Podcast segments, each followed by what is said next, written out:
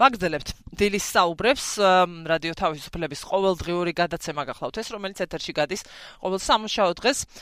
რადიო თავისუფლების რადიო მაესტროსა და დილის საუბრების Facebook-ის გვერდებზე შეგიძლიათ გვიყუროთ და გვისმინოთ და რადიო მაესტროს სიხშირებზე მთელ საქართველოში. და ვაგრძელებ გადაცემას. ეკაცი მეკურიძესთან ერთად დემოკრატიის ინდექსის საქართველოს ხელმძღვანელი გახლავთ ის მოგესალმებით ქალბატონო ეკა. მოგესალმებით დილამში თუ მე არ ვწდები თქვენ იყავით პირველი, ვინც სამართლებრივი, ასე ვთქვათ, კრიტერიუმით მიუდექით მინისტრების, მინისტრის კონკრეტულად, ფინანსთა მინისტრის შემდეგ უკვე სხვა ეს ისინიც დაემატა ხო ინფორმაციაც. არ მისულას, აი ესე უბრალოდ არ მისულას პარლამენტში. კონკრეტულ ფორმატებს გულისხმობ ბუნებრივია და არა ესე ვთქვათ უბრალოდ მორიგე ვიზიტებს ან პირადს ან საქმიანს. და დააყენეთ ეს საკითხი სწორედ ამ ჭრილში რაც არის მათი პასუხისმგებლობა კანონის წინაშე, კონსტიტუციის წინაშე და გაჟღერეთ სიტყვა იმპიჩმენტი იმპიჩმენტი, რომ ეს შეიძლება გახდეს იმპიჩმენტის საფუძველი თუ კი ამას მოისურვებენ კანონდებლები რასაკვირველია. საია გამოეხმაურა ასევე ამ ამბავს ამავე კუთხით, მოგვიანებით და გუშინ გავრცელდა ასევე საერთაშორისო გამჭვირვალობა საქართველოს განცხადება. სადაც მოუწოდებენ საქართველოს მთავრობის წევრებს პასუხისგებლობით მოეკიდონ საპარლამენტო კონტროლს როგორც დემოკრატიული მართლობის და ძალაუფლებათა ბალანსის აუცილებელ პირობას. აბა სხვაგვარად ბალანსი როგორ განხორციელდება? თუ კი ასეთი მექანიზმები არ იმუშავებს. სწორედ ამიტომ არის ეს მნიშვნელოვანი. და თქვენი ესე ესე წავიკითხე რომ ეხლა რომ და ასეც იყო ხო როგორ უნდა ვქნათ ახლა ასე გავატაროთ ეს ამბავი თუ უნდა ამას კონკრეტული შეფასება მიეცეს და დაერქვა სახელი. უფრო რომ ჩამოყალიბოთ თქვენი პოზიცია რა საფუძნებოდა. აა ნამდვილად გუშინ ბოდიში ბოდიშ გიხდით მსმენელთან კომუნიკაციის საშუალება დღეს პირდაპირ ეთერში არ მქონია პირველ ნაწილში რადგან ჩართვა იყო გეტყვით რომ შეგიძლიათ რა თქმა უნდა დაგვირეკოთ და მიიღოთ საუბარში მონაწილეობა. 2988-327-ზე და Facebook-ზე შეგიძლიათ მოწერა თუ კი გვიყურებთ Facebook-ის საშუალებით. დიდი მადლობა და ბოდიში პირველ რიგში იმას ვიტყვი რომ დემოკრატიის ინდექსი საქართველოს რეგულარულად აკვირდება პარლამენტის მუშაობას და ჩვენ რაც ბოლო ნახევარი წლის განმავლობაში დავაფიქსირეთ არის ის რომ პარლამენტის მხრიდან თავრობაზე კონტროლის განხორციელების მექანიზმი არის პრაქტიკულად შეუსრულებელი ან ძალიან სუსტია. იშვიათ შემთხვევებში მხოლოდ ცირე შესაძლებლობებს იყენებს მის ხელთ არსებულ ძალიან ცირე ინსტრუმენტებს იყენებს პარლამენტი იმისთვის რომ გააკონტროლოს მთავრობა და ძირითადად იყენებს ხოლმე ისეთ მექანიზმებს რომელიც სავალდებულოდ უწერია კანონში. ანუ ორი ასპექტი აქვს ამ საკის ერთი როდესაც პარლამენტი თავისი ინიციატივით თვითონ განახორციელებს კონტროლის მექანიზმებს და მეორე არის როდესაც მთავრობა პარლამენტის ასე ვთქვათ მოთხოვნით უნდა თვითონ უნდა განახორციელოს რაღაცა რეაგირების პასუხი ასე ვთქვათ. აა აქამდე რასაც ვაკვირდებოდით იყო ის რომ პარლამენტი არ მოქმედებდა. ან მაგალითად პარლამენტი არიბარებდა ministrებს კომიტეტის ფორმატში ასე ვთქვათ ის ministris საათები რასაც მაყურებელი უყურებს პლენარული ხდომის ფარგლებში ეს არის პარლამენტის რეგლამენტით სავალდებულოდ გათვალისწინებული რომ წელიწადში ერთხელ ერთი ministri თითო ან ყოველი ministri წელიწადში ერთხელ მაინც უნდა მივიდეს პარლამენტში ministris საათის ფორმატში. ministris საათს თავისი დატვირთვა აქვს და თავისი პროცედურა. კომიტეტზე ministris დაბარება ინტერპელაცია რაც ნიშნავს იმას რომ ანუ კონკრეტული კითხვების რეჟიმში მთავრობის წევრების და პარლამენტის წინაშე ანგარიშვალდებული სხვა სუბიექტების გამოკითხვა. დეპუტატის კითხვა წერილობით გაგზავნა კითხვის და შემდეგ პასუხების მიღება. თვითონ პარლამენტი არ იყო ხოლმე აქტიური ამ ხრივ არ არ იგზავნა არ იყო ინტერპელაციის შემთხვევები საერთოდ არ იყო კომიტეტზე ministris დაბარების შემთხვევები არ იყო სადეპუტატო კითხვის გაგზავნის შემთხვევები და ძალიან ბევრი სხვა ინსტრუმენტი, რომელიც უხვადა აქვს პარლამენტს იმისთვის, რომ გააკონტროლოს მთავრობა, გააკონტროლოს სამთავრობო გეგმის შესრულება, გააკონტროლოს ხომ არა აქვს კორუფციას ადგილი აღმასრულებელ სისტემაში, ესეც არის მისი ფუნქცია. აა და ასევე პარლამენტი არ იყენებდა მაგალითად თავის აკონტროლებელ მექანიზმს იმკუთხით, რომ სრულდება თუ არა მის მიერ მიღებული კანონმდებლობა და როგორ ინერგება ის პრაქტიკაში. ანუ ძალიან იმის ხომ მინდა რომ ძალიან ფართო არის პარლამენტის უფლებამოსილება ბევრი მხრივ და მას აქვს ვალდებულება რომ ძალიან ბევრი კუთხით გააკონტროლოს პროცესები, იმიტომ რომ თვითონ არის ქვეყანაში პოლიტიკის განსაზღვრელი ამა თუ იმ მიმართულებით, მაგრამ ამას პარლამენტი არ აკეთებდა. გუშინ წინ რაც მოხდა, ეს იყო ცოტა განსხვავებული შემთხვევა, რომ პარლამენტმა როგორც იქნა გადაწყვიტა ცალკეულმა წევრებმა, ასე ვთქვათ, ფრაქციის ინიციატივა, ორი ფრაქციის ინიციატივა იყო ეს. და როგორც იქნა შედგა პრეცედენტი, როდესაც დაიბარეს კომიტეტის ხდომაზე კონკრეტული ministrები. მაგრამ ministri არ მოვიდა. ანუ ორივე მხრივ პრობლემა არის. ერთის მხრივ პარლამენტის აქტიურობა არის პრობლემა, მეორეს მხრივ აღმასრულებელი ხელისუფლების პასუხი პარლამენტის მხრიდან მაკონტროლებელი ფუნქციის განხორციელების მცდელობაზე არის სრულიად არაადეკვატური. არაადეკვატური იმ მხრივ, რომ მეტიც უფრო მეტიც შეიძლება ითქვას, რომ ის არ პასუხობს კანონის უზენაესობის, კონსტიტუციის მოთხოვნებს. როგორ შეიძლება, რომ პარლამენტმა დაიბაროს ministri, მის წინაშე ანგარიშვალდებული თანამდებობის პირი და ministrმა თავისი ინიციატივით თქვას, რომ იცით რა, მე ვთვლი რომ არ უნდა მოვიდე. ასეთი რამე. იმიტომ აქ ისიც იყო ხო რა თქმა უნდა ეს სამართლებრივი საკითხი არ არის, მაგრამ რომ წინასწარ იყო ცნობილი საკითხები, ამას არ ფარავდნენ და ესე ვთქვათ გავცელდა ინფორმაცია, თუ რა ძირითადად რა საკითხებზე უნდა ესაუბრათ და დაესვათ მისთვის შეკითხვები. ესეც ხოთა შორის ბოდიში გაწყვეტინებთ რეგლამენტით, მკაცრად გაწერილი წესია. მკაცრია რეგლამენტი ამ ნაწილში. კომიტეტზე თუ მოითხოვს ფრაქცია ან თვითონ კომიტეტი ministris მოსვლას, ministri valdebulია მივიდეს. მეორე მხრივ ფრაქცია თუ ითხოვს ministris მოსვლას, კომიტეტი არის ვალდებული დანიშნოს ministris მოსმენა. ანუ ის განმარტებებით, რომელიც ამ დღეებში მოვისმინეთ, რომ კომიტეტმა ჩათვალა, რომ იცით რა ვიღაცეების უფლებები არ დაირღვეს იქ ფრაქციები, ორი ფრაქცია ითხოვდა, მე კომიტეტსაც თვითონ უნდა დამოწევა. და თითქოს ფრაქციის მოთხოვნა კი არ დააკმაყოფილეს. თავისი ინიციატივით დაიბარეს მაგალითად იკარაძის შემთხვევაში რაღაცა ასეთი განმარტება გააკეთა ხუნდაძემ. ესეც არაადეკვატურია არასწორია. ეს ნიშნავს იმას რომ ერთის მხრივ პარლამენტის უმრავლესობა საპარლამენტო უმრავლესობა ანუ ხელი მართველი ხელისუფლება არიყენებს თავის მაკონტროლებელ მექანიზმებს და როდესაც ოპოზიცია ცდილობს ეს იყო ოპოზიციური დამოუკიდებელი დეპუტატების მიერ დაყენებული მოთხოვნა როცა ოპოზიცია ცდილობს რომ დაიბაროს მინ ან განხორციელოს თავისი საღაზე დამხედველო ფუნქცია საპარლამენტო უმრავლესობა თითქოს ცდილობს რომ რაღაცნაირად შეაფერხოს და ხელი შეუშალოს ამაში. აა კიდე გავაგრძელებთ საუბარს ზარი გვაქვს ეთერში, ბოდიში გალოდინეთ დიდხანს დილამშვიდობის. გამარჯობა თქალბატონო ნინო, მიესალმებით. გამარჯობა გისმენთ. რა მაინტერესებს თქალბატონო ეკა? აი რატომ უნდა კონდეთ პარლამენტ პარლამენტზე ჩადნი მინისტრის პასუხისგებლობა? ჩვენ სანამ ევროასოციაციის ხელშეკრულებას ხელს მოაწერდით და რაღაცა უფრო მეტი პასუხისგებლობით იღირებულებების მატარებელი უნდა ყოფილიყავით კარგად გვახსოვს რომ სააკაშვილის თავრობაში იგივე ხდებოდა ხო მაშინ იმ დიქტატურულ რეჟიმში. მაგრამ დღევანდელი ხელისუფლება რომელიც არჩეული იქნა გაყალბებით 2016 წლის კერძო ივანიშვილმა ჩაუტარა საარჩევნო კამპანია. და არჩევნების შემდეგ სადღაც გორი დეკემბრის დეკემბრის ბოლოს დღეან დასაწყისში დაიდო ჩვენება რომ საქართველოს შევიდა მომაკვდავერების ქვეყნების ათეულში. ერთი წლის შემდეგ შევედით ხუთეულში. კიდე ერთი წლის შემდეგ შევედით ხუთეულში. კითხვა რომ დასვათ თუ შეიძლება. ხელისუფლება. ხელისუფლება ამას ვერ აცოცხნიობებს ივანიშვილი დახის რომ ვითომ კვირიკაშვილმა დაუმალა მან ის რომ თუნდაც ბავშვები შიმშილობენ. აი ეს თითოეული აბსურდოლოგიაა როცა. კარგი, თემასთან ხო. ამერიკის ჩვენ ამ ყავში ხარდამჭერი ხო ამასთან იმართებაში ვისადმი უნდა იყოს პარლამენტი ისე რა პასკვის გებელი ეთქობა საერთაშორისო ორგანიზაციები ისადი იმიტომ ჩვენი ხალხად არ აქვს ხო ამერიკის ადმინისტრაცია დაგიწო ივანიშვილო კრემლის ზეწულას შეუძლებს როცა ბოლო ინვესტორი ჩაუგდეს ხაზარაძეს ანაკლიის პოსტთან იმართებაში როცა მაშინ მანამდე პარკინგის ხაზის ინვესტიციები ჩააგდეს ჩვენად იყვნენ და ჩვენ ვინ ვართ პარლამენტარები? საერთოდ ვიქართ შოთაძემაც რომელიც ახლა აერჩიეს 500 ლარი გაუზარდა თავის თანამშრომლებს ხელფასი. როცა ბავშვები სიმშილობენ და მომაკვდარების ქვეყნების ხუთი უკან ამისანა ცხოველებს ეხმარებიან პოპულარიზაციაში და ჩვენ მარტო უკვე აღარ ხო ასეთი ელებით გვეხმარებიან. ეს ხო ახლა გამოხატვა გამოხატვა მადლობთ მადლობთ დიდი მადლობა ვაკონტროლოთ ცოტა გამოხატვა არ აქვს მნიშვნელობა რა განწყობა გაქვთ რამდენად ძაფრე დიდი მადლობა ზარისთვის. 29988 327 29988 327-ია ჩვენი ტელეფონის ნომერი. ხო კითხვები რიტორიკული იყო, მაგრამ რა თქმა უნდა, ხო, აქ დააყენა მნიშვნელოვანი ასპექტი, რატომ უნდა აკონტროლებდეს პარლამენტი მთავრობას, ხო?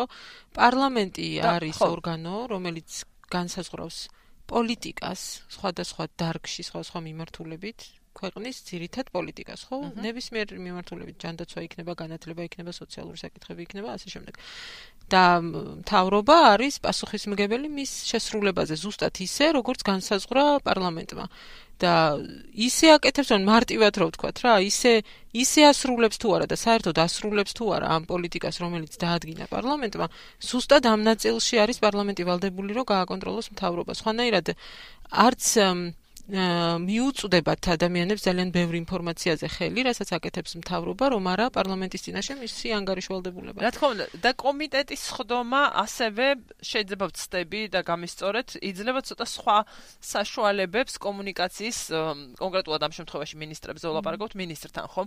არა მხოლოდ დეპუტატებს შეუძლიათ იქ მონაწილეობა რომ ხო თვითონ ministris დაბარება შეუძლიათ დაბარება კი ბატონო. პარლამენტის სუბიექტებს ასე ვთქვათ რაც არის განსაზღვრული კომიტეტი იქნება თუ ფრაქცია. მინიმუმ დასწრება შეუძლია მოქალაქეს ხო კი კომიტეტის ხდომა არის ღია საჯარო. დასწრება შეუძლია კომიტეტის თავმჯდომარე თუ მისცემს ამის შესაძლებლობას და წესით უნდა მისცეს კითხვის დასმის უფლებაც აქვს ასე რომ ხო საჯარო ჩართულობითი პროცესი არის და განსხვავებით პლენარულისგან. პლენარულზე, როდესაც ministris საათი არის პირველ რიგში, ამ ministris საათის მიზანი არის რომ მთელი წლის შეჯამება წარმოადგინოს ministrმა იმ წლის განმავლობაში რას აკეთებდა განსაკუთრებით სამთავრობო პროგრამის შესრულების კუთხით თავის დარგში, ასე ვთქვათ, და იქ რა თქმა უნდა მხოლოდ დეპუტატები ესწრებიან და დაინტერესებულ პირებს არ აქვთ რაიმე კითხვის დასმის შესაძლებლობა. ჩვენ რასაც ვაკვირდებით ministris საათის ფორმატს, აქაც არის უფრო საჭიროება რომ ეფექტიანობა გაიზარდოს იმ ხრივ რომ მოხსენებით წარდგებიან ministrები ეს მოხსენებები როგორც წესი დიდხანს გრძელდება და როგორც წესი ფოკუსირებული არის პოზიტივზე. კარგი რა გააკეთეს მე მესმის ძალიან კარგად რომ ministrს უნდა წარმოაჩინოს რა მიღწევები და რა წარმატებები აქვს, მაგრამ ministri თუ მას დეპუტატებმა არ დაუსვეს კრიტიკული შეკითხვები, ministri გამოწვევებზე როგორც წესი თავის ინიციატივით არ არ აკეთებს ხოლმე აპელირებას. ამიტომ არის მნიშვნელოვანი რომ ესწრებოდნენ პლენარულ სხდომას ministris საათის დროს ოპოზიციის საპარლამენტო ოპოზიციის წარმომადგენლებიც იქ არ არიან დაინტერესებული პირები, რომლებსაც ექნებოდა შესაძლებლობა დასვან კრიტიკული კითხვები. მართველი ხელისუფლება პარლამენტის წევრები როგორც წესი არ არიან მოტივირებული რომ დაუსვან კრიტიკული კითხვები ministrებს, იმიტომ რომ რაღაცნაირად ეს მცდარი წარმოქმნა არის და არ შეესაბამება პარლამენტის საზამხედველო ფუნქციას, მაგრამ ასეთი არის ძალიან ბევრი აწლეულია უკვე მოცემულობა, რომ პარლამენტში ვინც არის საპარლამენტო უმრავლესობა, ისინი როგორც წესი ხელსაფარებენ ასე ვთქვათ, ბჭყალებში ხელსაფარებენ აღმასრულებელ ხელისუფლებას და ცდილობენ რომ კარგად წარმოაჩინონ მათი საქმე. მადლობას და უსამე ხოვან ისეთ კითხვას, რომელიც ასევე არ გამორიცხავს ის ეს პროცესი იმას, რომ ოპოზიციონერმა დეპუტატმა გადაუხადოს მადლობას. კი, რა თქმა უნდა, მაგრამ ოპოზიციონერ დეპუტატი უფრო მოსალოდნელია რომ კრიტიკულ კითხვებს დასვას და იყო ასეთი პრეცედენტები, რა თქმა უნდა, იყო. კომიტეტის ფორმატში, როდესაც იბარებენ ministrs იქ წინასწარ უგზავნის უგზავნიან ის ჯგუფი დეპუტატებისა რომლებიც ითხოვენ ministris დაბარებას კონკრეტულ საკითხებს ministri მოდის იმ საკითხებზე მომზადებული და სცემს კონკრეტულ პასუხებს. ეს არის გაცლებთ უფრო ასე ვთქვათ კონკრეტულად საკითხზე მორგებული და უფრო მაღალ ეფექტიანი პროცედურა მით უმეტეს როდესაც ministris საათის დროს მოხსენება დეპუტატებისთვის წინასწარ არ არის მოხსენების შინაარსი ცნობილი და შესაბამისად ეს ცოტა ზღუდავს კიდეც დეპუტატების მხრიდან უფრო ეფექტურად კითხვების დასმის შესაძლებლობას. ეკაცი მაკურიძეა ჩვენი სტუმარი დემოკრატიის ინდექსის საქართველოს ხელმძღვანელი და სმენელი ყავს ხაზზე დილამ შვიდობის გისმენთ. მოგესალმები ხალხონენო მიესალმებით თქვენ სტუმარს. გამარჯობა. თქვენი სტუმარი წარმოადგენს დემოკრატიის ინდექსს საინტერესო იქნებოდა ჩვენი დემოკრატიის ინდექსი რამდენია. ეს ერთი. მეორე კითხვა ასეთი. სტუმარმა ბრძანა რომ პარლამენტი აღალიბებს პოლიტიკას და ასევე ახორციელებს საზედამხედველო ფუნქცია აგესრია აი რომელ სფეროს ზედამხედველობას ახორციელებს რასაც ჩვენ თქვათ მსმენელი და მაყურებელი ვხედავთ რომელ სფეროში განახორციელა კონტროლი. და პოლიტიკასთან დაკავშირებით არც საგარეო პოლიტიკა არც განათლების პოლიტიკა თუ არის ჩამოყალიბება თქვენთვის გასაგები რა არის რომ მეც გავიგო. და კიდევ აი ვინ უნდა აკონტროლოს? იმ ადამიანებმა ხომ არა გუში რომ კლავდნენ და დღეს გამოდიან უფლება დამცველად და არ ვიცი ანგელოზები ფრთიანი რაც შეეხება კერძოდ ფინანსთა მინისტრს მე მოვისმინე მისი განცხადება და არ შემპარვია ეჭვის ხოთაშორის მის გულწრფელობაში. იმიტომ რომ როცა არასერიოზულია თვითონ პარლამენტი და საკუთარ თავს ვერ აკონტროლებს, მას სხვა სფერო და სხვა მინისტრის გაკონტროლება მე მგონი არ შეუძლია და ეს ცოტა ცინიკა აა არ მისმენდნენ და არ ესწრებოდნენ ხო რომ თქვა ხო არა ინტერესებდა კითხვას არ მისვამდნენ და პასუხს არ უსმენდნენო და შეიძლება თავისას რომ ვერ აკონტროლოს ისეთ პარლამენტო ვინმე გააკონტროლოს და საერთოდ პარლამენტი კი არა ცირკია გმადლობთ ბოდიში.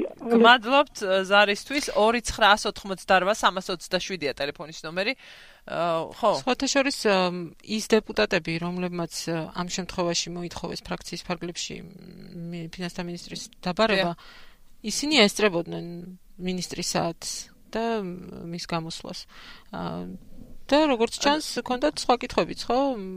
გარდა იმისა, რაც მოისმინეს ან და დასვეს მინისტრის საათის ფორმატში, მათ ისინი უსვამდნენ მის კითხვებს. ამიტომ ანუ ესე განზოგადება არ შეიძლება უნდა დავასახელოთ, ახლა გულისხმობ ფინანსთა მინისტრის მხრიდან, რომ ზოგადად არ მისვამენ კითხვებს, კი, ვამბობთ, რომ ეს იმალდებულებისგან ხომ ელემენტარული. ვამბობთ, რომ პრობლემა არის ზოგჯერ ოპოზიციის მხრიდან აქტიურობაც, მაგრამ ამ კონკრეტულ შემთხვევაში იმ საათს ესწრებოდნენ ეს დამოუკიდებელი დეპუტატები, რომლებსაც შემდეგ გაუჩნდათ სურვილი, რომ სხვა ფორმატშიც მოესმინათ ამ მინისტრს. გასაგები უბრალოდ მსვენელმა აი მსვენელისთვის მაგალითად მისაღები იყო ის პასუხი რაც ის კომენტარი და განმარტება რაც მინისტრმა კომედიის საშუალებით გავრცელა მაგრამ მეორე მხრივ ის არ თავისუფლდება ამ არგუმენტებით მოშველიებით იმ ვალდებულებისგან რომელიც მას აქვს კანონის წინაშე.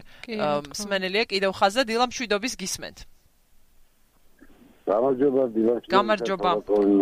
გამარჯობა მოგესალმებით. დილამშვიდობის. რომ მინისტრის მოწვევის დროს 9 წელიწად შეთხოვნიდა მერაბისები და რომ იმართა პოლიციას რომ ხელი არ აგიკანკალდეთ ისე დახვეწეთ ხალხიო. იმოცავთ რომ ეხლა მოხდა ის რომ გაიყვანეს მერაბისული სათაუბროთ და ამაზე ხელი ამბავი ატყდა.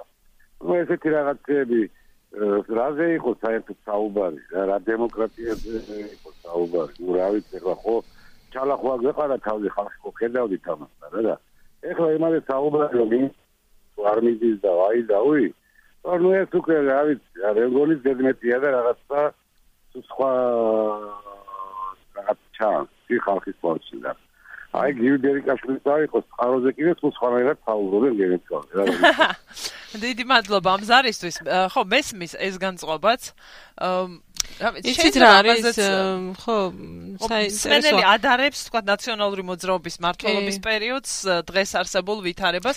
კონკრეტულად ამ თვალსაზრისითაც მათ შორის. ჩვენი მიზანი რა არის? ჩვენი მიზანი მაშინაც იყო. ყველაფერი ის რაც ბრძანა მსვენელმა გაცილებით პრობლემური იყო თუ არა სრული დეფიციტი ხომ? ასეთი კომუნიკაცია თავრობის წარმომადგენლებთან. მესმის თქვენი ირონიაც ანუ ყველაფერი გასაგებია რა დამოკიდებულებაც გაქვთ წყაროს ხო გააჩნია რას შევადარებთ, ხო? ანუ მაშინაც ნაციონალური მოძრაობის მართლობის პერიოდშიც მიზანი იყო და უნდა ყოფილიყო პარლამენტი თავრობის კარგი მაკონტროლებელი და ახლაც იგივეა მიზანი. ფორმები შეიძლება მწვავე იყო უფრო მაშინ, მაგრამ ეფექტიანობის თვალსაზრისით არც მაშინ აკონტროლებდა პარლამენტი მთავრობას და არც ახლა გამოირჩევა დიდი ეფექტიანობით ამ კუთხით. ამიტომ ხო, ცოტა მე მგონი არასწორია ეს ეს. და გაუბრალოება ერთი შეიძლება თვლიდეს, არ ვიცი, გარკვეული დისტანცია იყოს, არ იყოს აღქმული პარლამენტის მიერ მთავრობის კონტროლის ეფექტიან კონტროლზე ლაპარაკი აქ და არა ერთი მხრივ შეიძლება ეს მისვლა-მოსვლა ფორმალური იყოს, მეორე მხრივ საერთოდ შეიძლება არ მივიდეს. და ახლა რა მოხდა მე, თქვა ესეთი დამოკიდებულებაც გქონდეს, მაგრამ იქნება უფრო უკეთესად განმარტოთ ის რომ პარლამენტს რომ თავრობას ზედამხედველობის ფუნქცია იკისრება, პარლამენტი არის წარმომადგენელი ამომრჩევლების იდეალურ შემთხვევაში უნდა ასე იყოს. და სწორედ ამიტომ არის საჭირო მის ეფექტიანობა სხვაგვარად ახლა შეიძლება სადმე შეხვდეთ რომელიმე მინისტრს, რომელიმე მოქალაქე, მაგრამ სხვაგვარად ეს კომუნიკაციის და კონტროლის საშუალება ამომრჩეველს ხელისუფლების, აბა როგორ უნდა გქონდეს. წარმოუდგენელია სხვა მექანიზმი და ეს არის სწორედ ამიტომ მოფიქრებული, ხო? კი, ანუ ყველაზე ასე ვთქვათ, მაღალი ლეგიტიმაციის მქონე ორგანო ხალხის წარმომადგენელი არის პარლამენტი. ჩვენ არ ვირჩევთ არც მთავრობას, არ ვირჩევთ არც მოსამართლეებს. ამ ხელისუფლების სამიშტოდან ვირჩევთ პირდაპირ არჩევის გზით პარლამენტის წევრებს და ისინი არიან ზუსტად პასუხისმგებელი საბოლოო ჯამში, შემდეგ რას გააკეთებს მთავრობა. მათ მიერ, ანუ ისინი ყველაზე მაღალი ლეგიტიმაციით განსაზღვრავენ პოლიტიკას ამა თუ იმ დარგში და შემდეგ ისინი არიან პასუხისგებელი, როგორ შეასრულებს მათ მიერვენდობა გამოცხადებული მთავრობა ამ პოლიტიკას. და ერთი მნიშვნელოვანი ასპექტი რო არ გამოგრჩეს, რატო არის კომიტეტზე ministris მოსმენა კიდე განსაკუთრებით მნიშვნელოვანი და ეს არ არის ტექნიკური საკითხი, რომ იქ მოусმინეს და ეხა აქ რადგან მოვიდა თითქოს ის საკმარისია, რომ ministris საათის ფარგლებში მოусმინეს. აა კომიტეტის ფორმატში კომიტეტი შემდეგ საბოლოო ჯამში რაღაც შედეგით უნდა დასრულდეს. ანუ უნდა გამოიცეს და უშოთ დასკვნა, შეიძლება ministrs მიეცეს კონკრეტული რეკომენდაციები, შეიძლება საკითხი გავიდეს პლენარულ სხდომაზე განსახილოთ ის კონკრეტული თემები და იქ უკვე გაკეთდეს პოლიტიკური განცხადებების მითითებები მიეცეს. და იმ თემებს შორის არაერთი იყო, რომელიც ძალიან აინტერესებს ჩვენს აუდიტორიას, არაერთხელ მომისმენია კითხვებიც ამაზე. დიახ, კისმე. და ამიტომ ministris საათის ფორმატის განსხვავებით, რომელ რომელზეც არც რეგლამენტი ამბობს, რომ რამე კონკრეტული შედეგით უნდა დასრულდეს აუცილებლად და არც პრაქტიკაში არ სრულდება ხოლმე ასე მიუხედავად იმისა რომ შეუძლია პარლამენტს რომ მინისტრის საათის ფორმატის შემდეგაც კონკრეტული ზომები მიიღოს არ ხდება ასე და არც რეგლამენტი ავალდებულებს აქ კომიტეტი ვალდებული იქნება რომ დასკვნა გამოსცეს შეაფასოს რაც მოისმინა რაზეც ისაუბრა მინისტრმა რა კითხვებიც იყო და რა პასუხებიც გაიცა და შემდეგ გასცეს კონკრეტული რეკომენდაციები. ან მიიღოს სხვა ტიპის მისცეს სხვა ტიპის მითითებები კონკრეტული. და ამ ხრივ ძალიან მნიშვნელოვანი იქნებოდა ზოგადად ამ მექანიზმის ამოქმედება რომ ministrებს იბარებენ კომიტეტის ხდომაზე. და მე ვისურვებდი ახლა ეს კარგია მაგრამ ვისურვებდი ხო რომ როგორი აი ნიჰილიზმიც იყო თქვა რაღაც განწყობა მსმენელის. ამ განწყობით არ მივიდეთ და არ მივიღოთ გადაწყვეტილება არჩევნებზე იყოს ჯობს იყოს ეს განწყობა უფრო იდეალისტური ვიღაცა შეიძლება გულუბრყვილოდ მოეჩვენოს მაგრამ სწორედ იმაზე ვიფიქროთ არჩევნის გაკეთებისას, ყველა ჩვენგანმა და ყველა ჩვენი არჩევანი გვექნება, ხომ, ბუნებრივია, როგორც მოქალაქეებს, ვის ვაძლევთ, თქვათ, ვის ვუცხადებთ ამ ჩვენი არჩევნით ნდობას, კონკრეტული, თქვათ, იქ პარტია იქნება თუ კანდიდატი და ვის ვისურვებდით რომ განეხორციელებინა როგორც პოლიტიკა ქვეყნის შემდეგ გაეკონტროლებინა აღმასრულებელი ხელისუფლება ყოფილიყო ჩვენი წარმომადგენელი. თუ არა ეს განწყობა ძალიან რთული იქნება, რა თქმა უნდა, ეს იდეალურად თითოეული ჩვენგანის არჩევანი არა ისახება. შემდეგ საკანონმდებლო ორგანოში გასაგებია ეს გარკვეული რაოდენობა სჭირდება მხარდამჭერების თითოულ იდეას თუ კანდიდატს თუ პროპორციული იქნება სრულად არჩევნები, მაშინ მეტნაკლებად უფრო უფრო მეტად ხო, არა მე ვამბობ პასიური ბევრი ადამიანის არჩევანი იქნება. რა თქმა უნდა. გააქვთ კიდე ამის იმედი? არ ვიცი. უშვებთ ხო, რა ვიცი, გამორიცხული არაფერია. ბევრს ხო ისიც გავუკვირდა რომ ეს თქვა ეს ინიციატივა ჩავარდა, მაგრამ ხო, არ ვიცი, ნახოთ მართლაც ეს გამკვირის ბოლომდე, არ ვიცი, ყოველ შემთხვევაში აცხადებენ ხარეები რომ ოპოზიციის ნაწილი რომ შეხვედრა არ იგეგმება ამ კვირაში, მე ვარ მხრივ უმრავლესობა ამბობს რომ ვადაიწურება ამ კვირაში და მე ვეღარაფერ ცვლილებას ვერ მივიღებთო. ე და მინდა ისევ თემას მივუბრუნდეთ. აა თუ კი არ ართulis კანონდებელი რომ ეს არის პრობლემა. ის რაზეც თქვენ მიუთითებთ, საია მიუთითებს გამჭვირვალობის განცხადებაც იყო იქ თუ არცები იმპიჩმენტი არ ფიგურირებდა. მაგრამ რა მნიშვნელობა აქვს თუ კი ყოველ ამ სერიოზულ პრობლემად ხედავს ამას, ხომ ეს ორგანიზაცია? თუ კი არ თulis კანონმდებელი რომ ეს პრობლემა უმრავლესობის წევრები თulian ამას პრობლემა და არ არსებობს ასეთი 50 დეპუტატი ვინც ამას პრობლემად ჩათulis. მაშინ თავისუფალი ვართ? მაშინ ერთადერთი რჩება ერთადერთი რჩება ისე პოლიტიკური პასუხისგებლობა ასე ვთქვათ პარლამენტის რომელიც რომელიც ძალიან მნიშვნელოვან პრობლემას პრობლემად არ თulis. არ შეიძლება რომ ministri იბარებდა მის სხვათა შორის მაჭავარენის შემთხვევაში მე საიას განცხადებაშიც არის მითითებული რომ მას სხვა ასე ვთქვათ დაუმორჩილებლობების შემთხვევებიც აქვს როცა დეპუტატები უგზავნიდნენ კითხვებს და ის არ პასუხობდა. არ შეიძლება ეს არის წარმოუდგენელი ეს წინააღმდეგობაში მოდის დემოკრატიულ პროცესთან ეს წინააღმდეგობაში მოდის კონსტიტუციასთან კანონის უზენაესობასთან რომ ministri არ ემორჩილებოდეს პარლამენტის მოთხოვნებს. და ამ ამაზე პარლამენტი სათანადოდ არ რეაგირებდეს.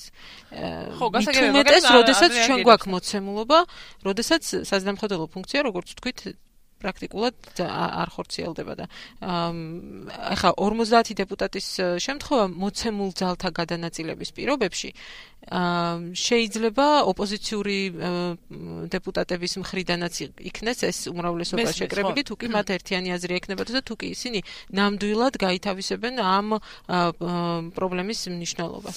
ხო და თუ კი არ ჩათვლიან, მოგეთ აქ არის სწორედ ერთ-ერთი ფუნქცია სამოქალაქო საზოგადოების თქვენი და თქვენი კოლეგების რომ ამ ამაზე ამოიწურათ რომ ძალიან მოკლედ ვიტყვი რომ გაჟღერდა თითქოს რომ ეს რამდენჯერაც დაიბარებს იმდენჯერ ხომ არ მოვა და ეს ამან არ მიიღოს განმეორებითი ხასიათი არ არის ესე რეგლამენტი ადგენს რომ ორი თვის განმავლობაში შემდეგ შეზღუდულია ministris დაბარება ისედაც ასე რომ ორ თვეში ერთხელ მაინც თუ იბარებენ ის უნდა მივიდეს. ეკაცი მაკურიძე დემოკრატიის ინდექსი საქართველოს ხელმძღვანელი იყო ჩვენი სტუმარი რადიო თავისუფლების დილის საუბრებს უსმენდით თქვენ უძღვებოდი ნინო გელაშვილი.